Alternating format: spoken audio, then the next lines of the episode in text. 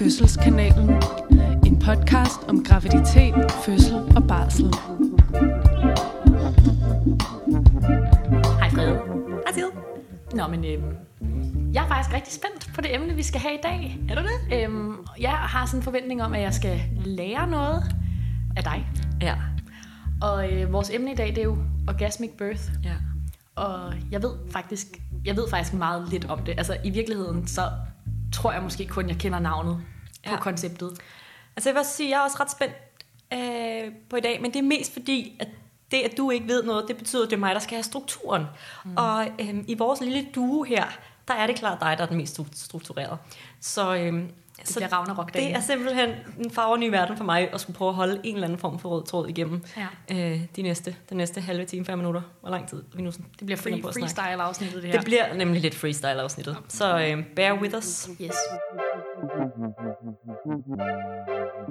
Jeg synes jo bare, vi skal kaste os ud i det. Ja, jeg tænker det også. Øhm, måske skal jeg starte med sådan, bare lige at fortælle lidt om min, min forestilling om, hvad orgasmic birth er. Ja, for det var faktisk en af de ting, jeg havde skrevet hernede. Det var, at jeg godt kunne tænke mig at spørge om, når du hører udtrykket, begrebet orgasmic birth, hvad tænker du så?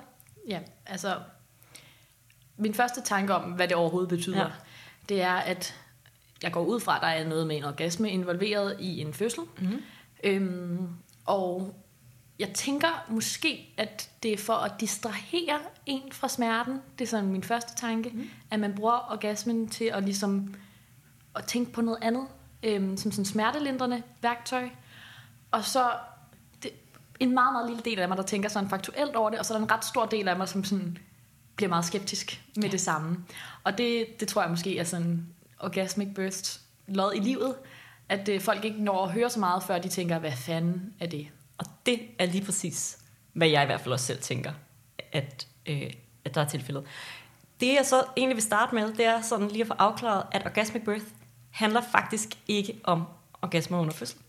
Nå, meget misvisende navn. Meget misvisende navn.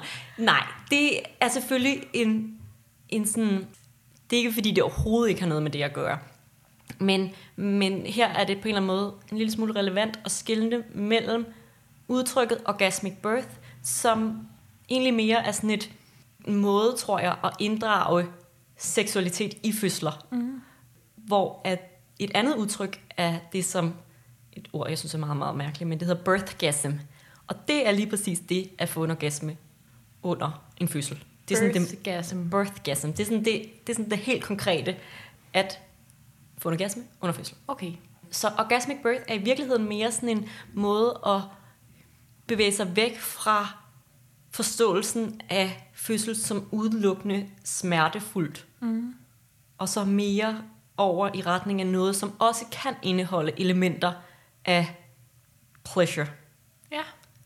Interessant. Det, det er ligesom opstået i forbindelse med en film, som blev udgivet i 2009, som er lavet af Deborah Pascali, og Deborah, hun er doula i New York City, eller var det i hvert fald, så vidt jeg kan se på en hjemmeside nu, er hun lidt mere en, der underviser andre doulager og laver workshops og rejser ja. Rundt i verden og så ligesom Måske udbreder det her. Lige indskyde, hvad en doula er. Det er jo en fødselshjælper. Ja. Øhm, så det vil sige, ikke en uddannet jordmor, men, men kan rigtig mange af de samme ting, som vi kan, og kan også nogle andre ting. De er vel en form for ledsager, der kan hjælpe med smertelindring og Ja. vejledning. ja. Ja. Og der i 2009 fik hun så det her påfund, at hun ville lave en dokumentar. Og den dokumentar kom til at hedde Orgasmic Birth. Og der følger man, jeg tror, det er omkring syv par, og ser deres fødsler. Og den går meget ud af at skildre fødslen for sådan... Alt det andet, den også indeholder, end mm. bare øh, smertefulde vejer. Ja. Filmen indeholder også udtalelser fra en sådan relativt kendt jordmor, som hedder øh, Anna Mae Gaskin, som er jordmor i, også i USA, men i Iowa. Og hun har også sådan, også tidligere, øh, hun har skrevet en del bøger, og der, der kommer hun lidt ind på noget af det samme, som Deborah kommer ind på i forbindelse med det her orgasmic birth. Hun kalder det bare for ecstatic birth i, sted- i stedet mm. for. Men det har sådan en del fællesnævner i form af en forståelse af, at, at fødslen ligesom er en del af den seksuelle cyklus, hvis man kan kalde det. Ja. på den måde. Men for lige at vende tilbage, øh, så tror jeg, at du har helt vildt ret i, at mange mennesker, når de hører udtrykket orgasmic birth, og i det hele taget noget, der relaterer sig til sex, som skal være i kombination med fødsel, så bliver man bare sådan, Ja, det lyder mærkeligt, det kan jeg ikke overskue, det gider jeg ikke snakke om. præcis. Jeg har også fortalt til øhm, nogle af mine venner, at vi skulle lave det her afsnit i dag, og der er også, altså, der er ikke nogen af dem, der havde hørt om det før, mm. og de siger alle sammen, hvad er det? Altså på en skeptisk måde. På en ikke? skeptisk måde. Men øhm, noget af det sådan forberedelse, jeg lavede i dag, som egentlig ikke var så meget at sætte mig ind i, hvad orgasmic birth-konceptet var, fordi at det tænker du vil fortælle mig, det var, at jeg, sådan, jeg lavede lidt sådan ordkløveri og tænkte lidt over selve ordet orgasmisk eller orgasmic. At det synes jeg faktisk bliver brugt til nemlig at øhm, erstatte ordet ekstatisk, altså lidt som du selv mm. siger, at man også kunne kalde det. Var det ecstatic birth, var det mm. det, du kaldte det? Øhm, som i, at man kan spise en orgasmic chokolademus. Det var, Mm. det var faktisk, altså jeg googlede bare orgasmisk, og så var det Ja. ligesom de der urban dictionaries, de brugte ligesom tit chokolademus eller kage, eller Ja. et musikstykke, eller et eller andet, en eller anden oplevelse af Ja. en art, og så beskrev de det som, at det var orgasmic, hvis man sådan kunne blive helt ekstatisk, eller noget, der kunne produce feelings of great pleasure or excitement. Ja. Og så tænkte jeg sådan, ej okay Sigrid, hvorfor er du så skeptisk over, at en fødsel skal kunne være orgasmisk, hvis det også er det, ordet betyder, fordi altså, hvis du kan spise en chokolademus og få en great feeling of excitement, så får du det sørme også, hvis du får den forløsning at føde et barn og få det op til dig og, Ja. ja. og mærke, hvad, hvad din krop kan af nogle helt sindssyge ting. Ikke? Ja, og det er lige præcis, det er, lige, det er faktisk en rigtig god måde at sige det på, for det er lige præcis det, som, som det som udgangspunkt handler om. Mm. Og ikke, der er ikke lige så meget fokus på selve det udtryk, vi nævnte tidligere med birthgasm, eller sådan det at have en orgasme, mens man føder. Jeg var på et kursus med Deborah Pascali i, jeg tror det må have været 2016. Det var sådan en fire dages kursus, tror jeg.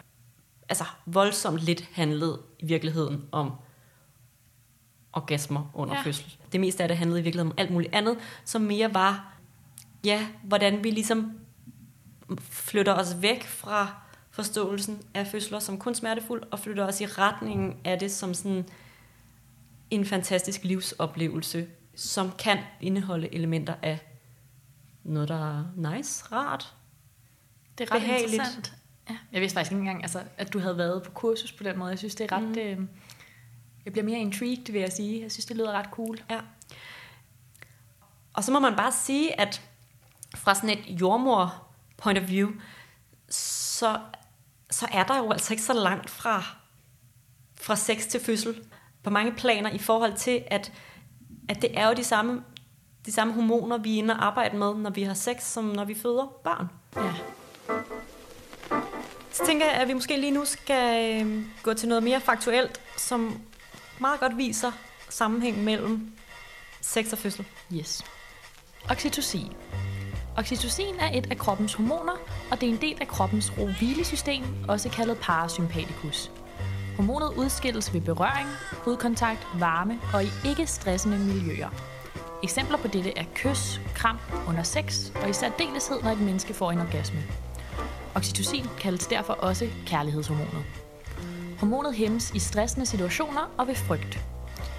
Nogle udvalgte virkninger af oxytocin er, at det får menneskekroppen til at afspænde og slappe af.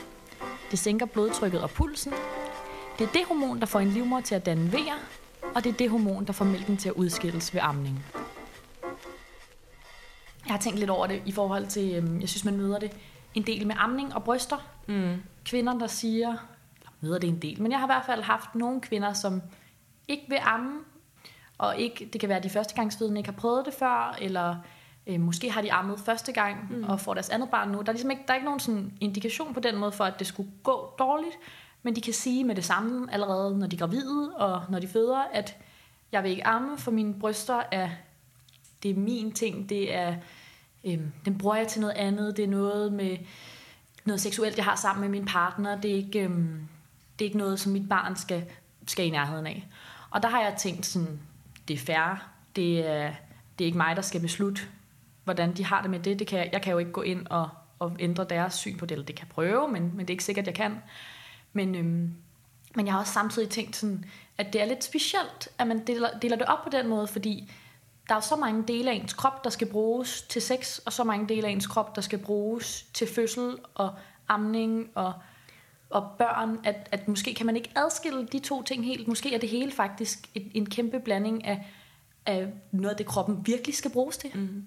Jeg har haft faktisk nogle af de samme oplevelser øh, i forhold til amning, og, og synes bare, det er så sådan interessant, at vi er nået dertil i vores samfund på en eller anden måde, at, at sex er gået fra at være noget, der ligesom kom forud for det at få et barn, og så til at være noget, som udelukkende handler om øh, nydelse. Og det, det kan jeg godt sådan blive sådan helt, sådan helt sådan forbløffet over, at det, det på en eller anden måde lidt er der, vi måske er kommet til. Ja, det er rigtigt. Man, man skiller det meget ad. Og altså på nogle punkter, så giver det jo også god mening, fordi der er prævention, og der er fri abort, og der er mange ting, som gør, at det her sex ikke betyder, at man skal få børn. Jeg vil da på ingen måde heller tilbage til øh, tilstande, hvor at, hvor at sex automatisk førte til et barn. Nej. Og det ligesom var den eneste måde, man kunne have sex på. Og synes da, at man skal have masser af sex, også selvom at det ikke fører til børn. Men jeg synes stadigvæk, at der er noget, der er noget interessant i, at det, øh, at det på nuværende tidspunkt Ja. måske er kommet til et sted, hvor at, øh, at de to ting ikke kan forenes heller. Ja, vi har sådan nogle fælles familievenner. Mine forældre har to andre familier, som de ses med, hvor der er også børn sådan jævnaldrende.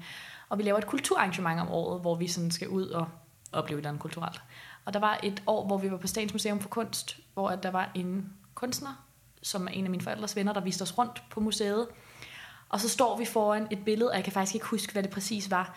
Øhm, men det var et eller andet ældre billede, måske 1800-tals billede med nogle gravide kvinder, hvor han siger, at det er faktisk rigtig provokerende for den tid, fordi at det viser, at de kvinder har haft sex, at de er gravide. Og det, der gør situationen ekstra komisk, det er, at en af de børn, der sådan er jævnalder med mig, eller et par år ældre end mig, hun stod og var højgravid. Og det var bare sådan, man kunne fornemme, at det faktisk var lidt akavet, da det blev sagt. Altså jeg tror, vi alle sammen tænkte sådan, hvorfor siger du det her? Og hvorfor siger du det, imens hun står og er gravid? Og vi ved jo alle sammen, hun har haft sex for at blive gravid. Men der var et eller andet i det, som bare sådan, på en eller anden måde provokerede forsamlingen, som jo også bestemt var hans mål, ikke? Men det er, jo, det er jo så sjovt det der med, at man på en eller anden måde kan fortrænge fuldstændig, når man ser et gravidt menneske, mm. så tænker man, nej, hvor er det smukt, og i, er det fantastisk, og det her lille væsen, der vokser ind i dig, alle de her ting, og så fuldstændig ignorerer det faktum, at forud for det her barn har der været noget sex. Ja. og det synes jeg bare er vildt Ja, spændende. Præcis. Det er jo åbenlyst, og vi ved det alle sammen, men det bliver ikke i talsat. Nej, det er så sjovt. Og helst ikke tænkt på heller. Overhovedet. Ja. Hvis vi kan undgå det. ja.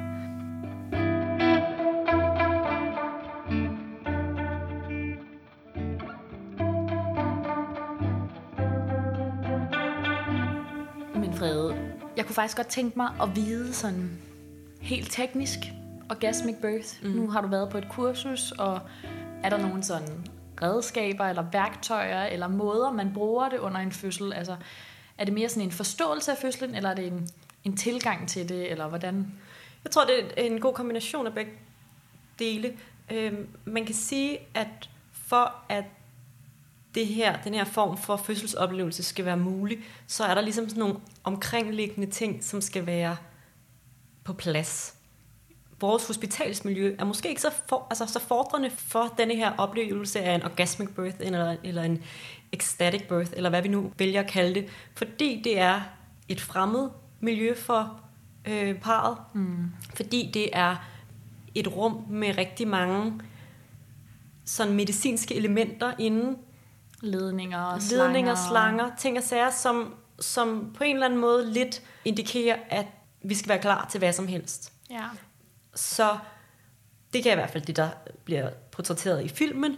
Det er ligesom tit hjemmefødsler, og, ja. og jo også folk, der har valgt, i stedet for bare ligesom at føde på hospitalets præmisser, så er de ligesom valgt, hvor vil de gerne føde. Der er både nogen, der føder ude på en terrasse og øh, på en græsplæne, og også folk, der føder indenfor i deres stue i et fødekar. Og sådan. Okay. Der, der er ligesom forskellige, ja. forskellige muligheder der. Øhm, og jeg tror, det er i hvert fald min opfattelse, at det gør hele det ønsket om en specifik oplevelse mm. omkring sin fø- fødsel mere muligt. ja. Så det er, mås- det er måske sådan en tankegang i, at hvordan kan man gøre det her til en, en exciting og pleasureful oplevelse også. Ja. Øhm, jeg har lyst til bare lige at indskyde som sådan en tanke, at måske er det bare med at være det mindst stressende sted for en, og for nogle mennesker kan det måske godt være hospitalet. Det tænker jeg også helt Og- klart, det kan. Altså hvis man sammenligner det med at have sex, eller have andre intime situationer, hvor man har været sammen med sin partner og mm. arbejdet med ens krop, så er det måske ikke nødvendigvis lige et hospital, man forbinder det med.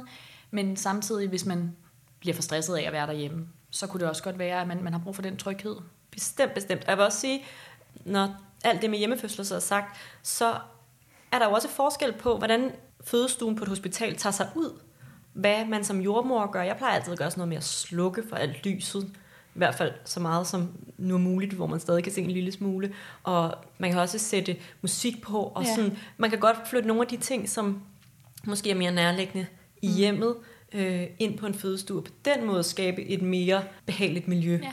for det fødende par. Så det er slet ikke, fordi jeg tror, at, at hospitalsfødsel nødvendigvis udelukker muligheden for at have en ekstatisk oplevelse til sin. Nej. fødsel.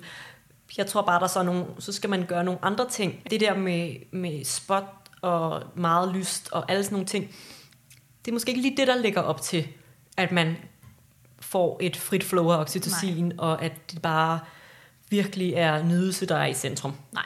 Og man kan jo måske som par, kan man jo også overveje, om der er noget bestemt musik, mm. man sådan forbinder med ro og alle de ting, som fordrer oxytocin, det gode hormon der, om man, man har noget bestemt musik, der gør en afslappet, eller gode minder, eller et tæppe derhjemmefra, eller noget andet, som man selv ligesom ser for sig som en, en tryghedsskabende faktor. Ikke? Og det er, jo sådan, det er jo det der mere, hvis vi tager orgasmic birth, sådan overordnet, det jeg lige har nævnt her. Og så er der så dem der, der benhårdt ønsker at gå efter en birthgasm eller en orgasme under fødsel. Ja. Og der kan man sige, øhm, Er det, er, altså, er det også en ting under orgasmic birth, altså birthgasm? Kan det være sådan en, en underben? det, det kan godt være en under, et underben. Ja. Øhm, og det, som filmen skildrer, er ligesom også, at det er der nogen, der får. Mm. Og prøver ligesom at aftabuisere det en lille smule og sige sådan, jamen det er bare en bonus, hvis det er det, det ender ud med. Men jeg ved og har hørt historier, jeg ikke selv oplevet det, men, men har hørt historier om, om hjemmefødsler, der har involveret vibrator og Ja. Anden form for sådan det kunne også være lidenskabelige kys mellem parret, eller, ja. altså sådan noget, der er mere trækker over i den mere sådan seksuelle retning, hvor alt det her andet, vi lige har nævnt, det er jo ting, vi på vanlig basis prøver at proppe ind i fødslen, for ligesom at støtte op om det her Ja. V-dannende hormon, som vi lige har snakket om. Ja. Det er ret interessant, fordi jeg har også, det har jeg også hørt om, og jeg har, øhm, jeg tror også, jeg har forbundet det med orgasmic birth, uden at det nødvendigvis er blevet forbundet, når jeg har fået det fortalt, mm. men jeg har bare tænkt inde i mit hoved, at det var nok de to ting, der hang sammen. Det er på en eller anden måde også lidt nærliggende, tænker Ja, jeg. det er nær, helt nærliggende at tænke. Ikke? Men jeg synes, det er meget interessant det der med, at det er bare én faktor, man kan vælge at tage ind, men i virkeligheden så handler det om, om oplevelsen og gøre det til noget, noget godt. Ja, det taler på en eller anden måde lidt ind i temaet omkring, sådan, hvad er smerte, og hvad, hvad er smerteoplevelse. Fordi smerte er noget, der er så individuelt og så relativt. Smerte er på en eller anden måde hjernens perception af nogle signaler, som kroppen sender. Og det, som Orgasmic Birth-temaet ligesom også prøver at lægge vægt på, det er, at man i stedet for at fokusere på Nu kommer der en V. på, ja, og vejen som smertefuld, som det værende, det sådan centrale i en V, så kig mere på det som sådan noget kraftfuldt, noget positivt. Det er ligesom det, der skal til for, at barnet kommer ud. Og det så opfattes for nogen som smertefuldt, det vil jeg slet ikke prøve at tage fra dem, eller komme her og sådan sige sådan, om det, det handler bare om, hvordan, hvordan du ser på det. Det kan sagtens være rigtig dejligt at have vejer. Mm, Men man kan måske godt, i stedet for hele tiden at tænke, nej, nu kommer der en V, nej, nu kommer der en V, så på en eller anden måde prøve at tænke sådan, Min krop er stærk, den ja, kan det her. den kan det her, det, pisse, det går pisse godt, og jeg er pisse Ja. sej, og sådan, Det er fedt. den, den form for energi at lægge ind i en fødsel i forhold til den anden, sådan, åh oh, nej, nu skal jeg igennem det her. Ja, det synes jeg er mega, mega nice. Og jeg synes faktisk, at det, er- det er noget, jeg også har brugt ret meget. Så måske har jeg selv været lidt en, øh, en del af orgasmic birth, uden at vide det overhovedet, eller haft nogle af tankegangene. Men jeg tænker, det er noget af det, vi jordmøder rigtig ofte bruger, og noget af det, som sådan, vi også lærer på skolen, og sådan, så er det bare ikke lige blevet connectet med det her begreb, og det er jo heller ikke fordi, at bare fordi man prøver at fremme nogle positive associationer med fødsel, at man så øh, nødvendigvis bevæger sig inden for, udelukkende for orgasmic birth-teorien. Det er bare et udtryk for, at, at det er ligesom også det, som Ja, orgasmic eller ecstatic birth indeholder. ja.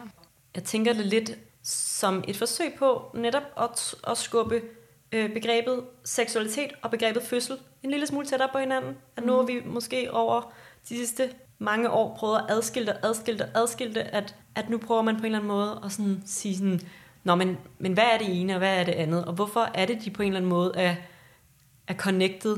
Ja, Og det ene kommer ligesom ikke uden det andet, må Nej. vi bare sige. det er virkelig rigtigt. Det synes jeg er meget interessant, at man godt kan prøve at kombinere de ting. Og jeg tænker, at for mig så bliver det også noget med, og det tænker jeg også for parne, men at det sådan er i en professionel setting, hvor jeg er tredje mand til stede, og de har en tredje mand til stede. Så på den måde, så tænker jeg, at, at det skal blive noget naturligt, mm. at vi alle sammen, vi ved det jo, det er jo præcis ligesom den der oplevelse med at stå med familien, og vi ved alle sammen, at hvis man er højgravid, så har man haft sex. Mm. Men jeg tænker, at på en eller anden måde gør det lidt tydeligere, at det er okay, og det ved vi godt, og at det hele hænger sammen. Og vi prøver meget, det gør jeg i hvert fald sådan noget med, at opfordre folk til at ligge tæt Mm. på stuen, eller kysse, eller Ja. hvad. Og det skal jo stadig være noget, der altså, falder dem naturligt, så det er ikke, fordi jeg vil stå og være sådan, nu skal I fandme kysse. Gør Nej. det så. Nej. Men man kan jo godt prøve på en eller anden måde at lægge op til, at det kan godt være naturligt. Det må Ja. I gerne. Jeg skal prøve at være så, så Ja. lidt synlig, og bare tage mig af, af de vigtige ting. Det, som nu engang er mit job, at sørge for, at alle har det godt. Og det er jo, altså, det er jo ikke bare det der med at have et andet fokuspunkt end smerten, og tænke på noget andet. Det er jo godt for fødslen, fordi vi ved, at oxytocin, som er det hormon, der også bliver udskilt, hvis man oplever nydelse og berøring og tæthed, at det er det, der får vejerne Lige til at præcis. dannes, og senere mælken til at mm-hmm. også komme. Så på den måde, så er det jo noget, vi gerne vil have. Vi vil gerne have, at der er kys og kram på en fødestue. Vi vil rigtig gerne have de der ting. Men øhm, om det altid bliver et talsat, det ved jeg ikke. Og om alle parne gør det. Altså det kan godt være, at man tænker, nu er vi, vi er på en fødestue, vi er på et hospital, der er en fremmed menneske til stede. Mm. Kan vi overhovedet kysse? Ja. Det skal man da bare Det skal man bare gøre. Og så, så tror jeg også, at de fleste jordmødre kunne godt finde på for eksempel at sige sådan, til sidst i fødslen, hvor at, øh, i pressefasen kunne det meget vel være, hvor vi gerne vil have, at der kommer nogle flere vejer, sådan, så vi kan få baby ud. Altså, så tror jeg, at en del jordmødre har sagt, kunne du måske lige massere din brystvorter en lille smule? Ja. Fordi det bare er sådan her, der så bliver frigivet oxytocin, og vi tænker sådan, det er det bedste. Ellers så skal mm. vi til at sætte et drop og proppe noget kunstig hormon ind i dig, så kan vi lige så godt få dig til Det bare er jo et nemt de der brystvorter. Ja. Ja.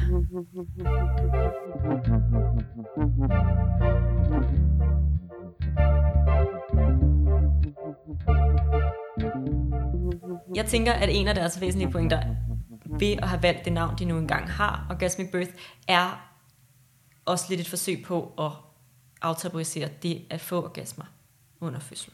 Ja. Øhm, jeg, jeg tænker, at, at mange ikke bevidst prøver at fremprovokere øh, en orgasme, øh, selvom de selvfølgelig er velkommen til at gøre det. Men jeg tænker, at for nogle er det også bare noget, der sker.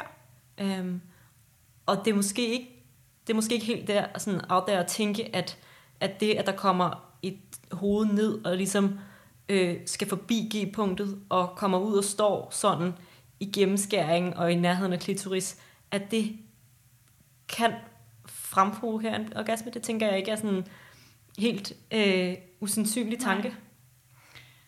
Jamen, jeg, jeg kan også godt mærke, at jeg synes, lige når du siger det der med at aftabuisere det at få en orgasme under en fødsel, at det er der sådan kernen af det grænseoverskridende eller skeptiske i mig sidder over for det her koncept. Mm.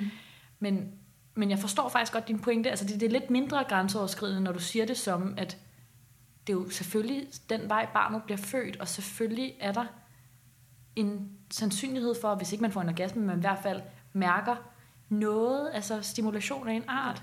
Og det ville næsten være underligt måske, hvis man ikke gjorde. Og noget, der måske er en lille smule genkendeligt, altså i forhold til det at have sex. Ja. Øhm, og sådan, det er jo heller ikke fordi, der er jo flere former for sex, som sådan involverer smerte den anden vej. Så hvorfor ikke også tænke, at en, en fødsel, som måske som udgangspunkt øh, kan opfattes smertefuldt, kan indeholde elementer af nydelse. Ja. Den vej rundt er det måske, giver det måske meget god mening. Ja. Det synes jeg faktisk er ret interessant, at, at det ikke er et tilvalg, at man vil have en orgasmic birth, men at måske er births orgasmiske. Det, I- stort set alle tilfælde af sig selv. Det tror jeg i virkeligheden er hovedpointen i filmen. Ja. Hvis jeg skal være helt ærlig.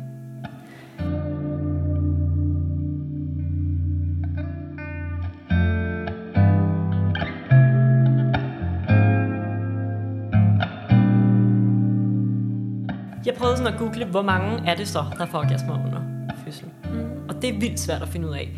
Det jeg ligesom har kunne læse mig frem til er, at et sted står der, at det er 0,3 procent. Det er jo ikke særlig meget. Nej. Men måske det realistisk nok tal. Ja. Øhm, så er der et andet sted, hvor det står, at det er 6 procent.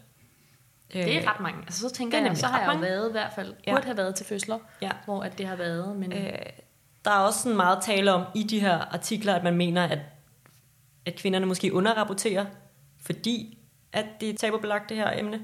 Øh, og så er der hende, Ina Mae Gaskin, som jeg nævnte tidligere, som i filmen Orgasmic Birth nævner, at hun lavede en spørgeundersøgelse i det område, hvor hun bor, og hvor at øh, hun spurgte en, øh, 151 kvinder, om de havde oplevet noget, mm. altså at få en orgasme ja. under fødsel, og der var det faktisk 21 procent, der sagde, okay, det Ja. er interessant. Ja. Fordi, altså, hvis det er der, vi er, så tænker jeg, så skal jeg da i hvert fald lige tænke mig om en ekstra gang, og det tror jeg, der der er mange af både fødende og partnere og jordmødre, der lige skal, altså det er jo faktisk en kæmpe, kæmpe andel. Ja. Ja, så det er mere for at sige sådan, jeg ved ikke, om tallet ligger et eller andet sted her imellem. Det kan jo være en speciel gruppe af kvinder, hun er faldet over, altså mm. de områder, hvor hun bor, ligesom har, er mere åben over for det. Mm. Øhm, men, men det er i hvert fald interessant at forholde sig til, at det er en mulighed, og det er noget, der sker nogle gange, og øhm, Og helt ærligt, så synes jeg, hvis det var 0,3, som er det laveste tal, du har nævnt, så er det stadig ret mange. Altså, så sker det alligevel, og så synes jeg, at... Øh, jeg tænker i hvert fald, det er en, det er en okay note at ende på, som i, at det, det er jo et billede på, at kroppen både bruges til sex og til fødsel, og de to ting ikke kan adskilles. Og at måske skal vi tænke en ekstra gang Mm. mm. over, at, at Ja. det her er naturligt. ja. Har du nogensinde oplevet noget på en stue, hvor at, øh, du har tænkt, at det, øh, der var noget sådan nydelse indover? Ja, altså det har jeg, og jeg tror, at for mig, hvis jeg sådan skal tænke over noget, der minder om, om noget, man kunne kalde orgasmic birth, og at gøre den her oplevelse til en dejlig oplevelse, sådan kropsrelateret Mm. mm. også, så tror jeg meget, det er den der tosomhed, at det er, det er et par, der Ja. kommer her for at få et barn, og, og de kender den fødendes krop rigtig godt, og de arbejder med den krop, og det har de sandsynligvis i rigtig, rigtig mange tilfælde gjort rigtig, rigtig mange gange før. Så det er lidt et, det kan i hvert fald være et teamwork. Mm. Det kan også godt bare være den fødende ja. selv, som ligesom kender sin krop og arbejder med sin krop. Ja. Og, og der er tit kærlighedserklæringer og kys involveret, og en partner, der står på sidelinjen og siger, hold kæft, hvor er du sej, og mm. jeg elsker dig så meget, og Mm. du er så dygtig, og hvor er det vildt, det din krop kan, og, og øjenkontakt, og massage, og bare sådan berøring, Ja. altså ho- holden i hånd, det er jo også sådan noget, jeg forbinder med Ja. noget, ikke orgasmisk, men, men sådan noget kropskontakt, mm. kærlighedsberøring, og så, altså, så er der også bare lydene på en fødestue, og dem er jeg jo vant til, og det, der skal jo nogle lyde til, før man får født, i ja. langt de fleste tilfælde, og det kan jeg godt nogle gange minde om noget, man kunne kalde en orgasmisk fødsel. Ja. Og det er jo, altså, hvis din krop arbejder for fuld drøn, og du bare er inde i dit spor af, nu lader kroppen gøre, hvad den skal, mm. så stønner man jo og proster og udbryder ting, uden at tænke over, hvad er, man siger, mm. og Man er meget i sin øh, kropsvold lige der. fuldstændig. Jeg havde jeg assisteret til en fødsel, hvor at kvinden under vejerne sagde ja. Mm. Og det kom, det, der fik man ret hurtigt sådan associationer til, til sex, fordi det, hvis man ligesom tænker, at hver gang der kommer ved, at svaret ligesom er ja, Ja. så det, det, gør, det gjorde bare noget specielt ved den. Og det er faktisk ret interessant. Altså, det passer jo meget godt til det, du siger med, at, at tage det som, hold kæft, min krop er sej, og hold kæft for det Mm. stærkt, det jeg har gang i, ikke? At sige ja til de vejer der. Og jeg tror ikke, det var noget, hun slog mig ikke som sådan en, et, et menneske, der havde sat sig noget specifikt for. Det tror jeg simpelthen bare, det var hendes umiddelbare Mm. reaktion på V'erne. Udover det kunne jeg godt tænke mig at fremhæve en lille sidste ting, det er, at jeg faktisk på et tidspunkt har undersøgt en, en kvinde, som var rigtig langt i fødsel. Og der, øh, der mens jeg undersøger hende, så begynder hendes bækkenbund at krampe sammen, eller lave sådan nogle rytmiske bevægelser, som jo er det, Ja. kvindens bækkenbund gør, når hun Okay. får en orgasme. Og man kan sige, jeg tror, hvis jeg havde spurgt hende, så tror jeg ikke selv, hun ville have sagt, at hun fik en orgasme. Men jeg kan ikke se, hvad det ellers skal være. Nej. Det er ret interessant. Jeg har kun oplevet den en gang. Mm. Vi har et langt jordmorliv foran os. Det kommer igen. Mange spændende Ja. oplevelser forude. Nå, men jeg synes faktisk, det er ret interessant, om det så er noget, man sådan aktivt har sat sig ind i på forhånd, er noget, man gerne vil prøve at have fokus på under sin fødsel, øhm, eller om det bare er noget, jeg kan lære noget af, og vide, at, at de her ting hænger sammen, så synes jeg, det er, det er spændende. Ja, måske kan man også bare gå tyk på den i forhold til, hvad synes man selv? Ja. Hvad tænker man selv om det her begreb? Har der været noget, der har været sådan, alligevel har fanget ens interesse, eller noget, man sådan, kan, man, kan man bruge brøkdele mm. af det, vi siger? Så synes jeg bare, det er fint. Skide Og hvis man synes, at det er øh, det mest absurde emne overhovedet at snakke om, så synes jeg faktisk også, det er okay. Ja, det vil heller ikke undre, Nej. at der var et par stykker, der tænkte sådan. Nå, Fredson, det kan være, at vi skal gå videre til brevsprækken. Denne uges brevsprække. Det synes jeg.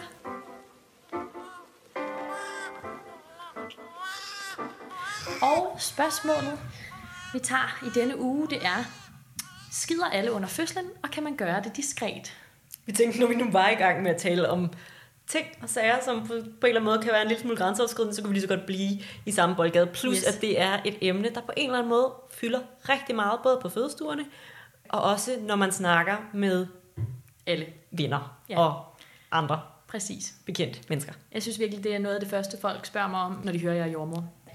Og øhm, altså, jeg vil jo starte med at sige, nej, alle skider ikke under fødslen. Nej, det er rigtigt. Det, øh, det gør de ikke. Vi gør jo også i en del tilfælde noget for at undgå det, som er, at vi giver, øhm, eller vi tilbyder, at man kan få et klyks eller et lavement. Og hvis man ikke ved lige, hvad det er, det er det samme, det er to ord for det samme, så er det, at øhm, man sprøjter noget væske op i endetarmen, som fylder og giver lyst til, at man skal på toilettet, og som også opløser det afføring, der står. Så det vil sige, at man ligesom får tømt sin endetarm. Ja, det er sådan en tarmskyldning. En tarmskyldning. Det tætteste, man Ja. kommer på en intimistisk tarmskyldning. Ja, og jeg, altså, nu ved jeg ikke, om det er samme praksis, vi alle sammen har, men jeg plejer i hvert fald at tilbyde det sådan rimelig tidligt i fødslen, øhm, og høre, der er mange kvinder, der allerede ved, at det vil de gerne have, og der er også nogen, som enten ikke kan overskue det, eller ikke har lyst til det, fordi vi kan godt afsløre allerede nu, det er ikke den, det er ikke den fedeste oplevelse i verden, og især ikke, hvis man har vejer samtidig, så det kan det det godt være lidt ekstra. Det er ikke sådan, altså, det er jo ikke forfærdeligt, men det er mere, hvis man har gode vejer, så kan alt være uoverskueligt. Og tanken med det, det er jo, at når man så skal presse senere i fødslen, eller hvis man får god tyngdefornemmelse, at så ved man ligesom, at den her følelse af at skulle presse, at det er et barn, der fylder, mm. og ikke øh, afføring i tarmen, der fylder. Mm. Fordi de to fornemmelser kan være rigtig svære at skille ad. Det er sådan ligesom den samme fornemmelse af, at der er noget, der presser på ens bækkenbundsmuskler. Og, øh, og så kan vi måske også bare lige så godt sige, at sådan, hvis der står noget i tarmen, så kan man ikke lade være.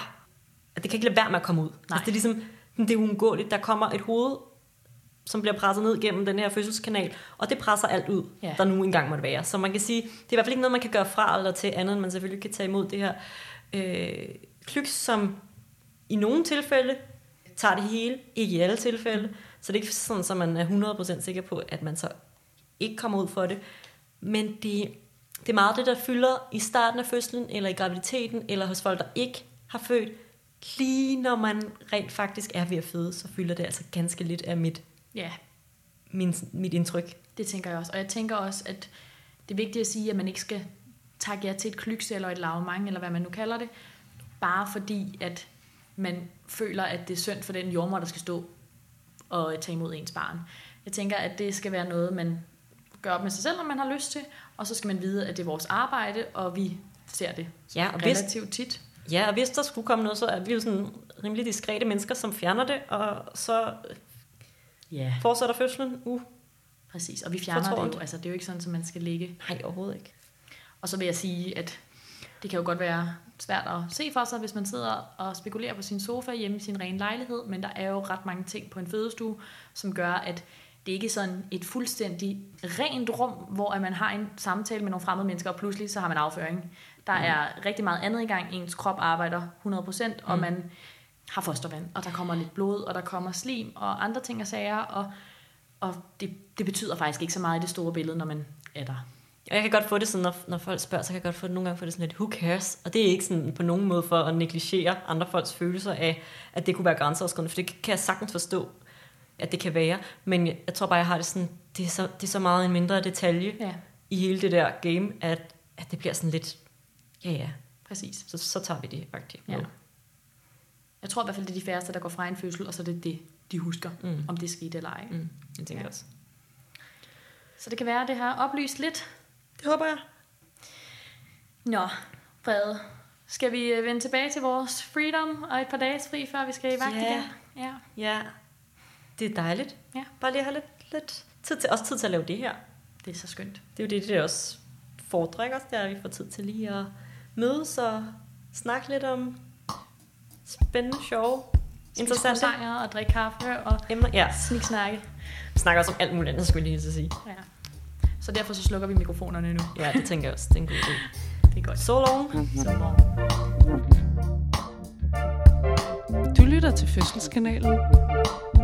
Det er sgu da fedt, mand.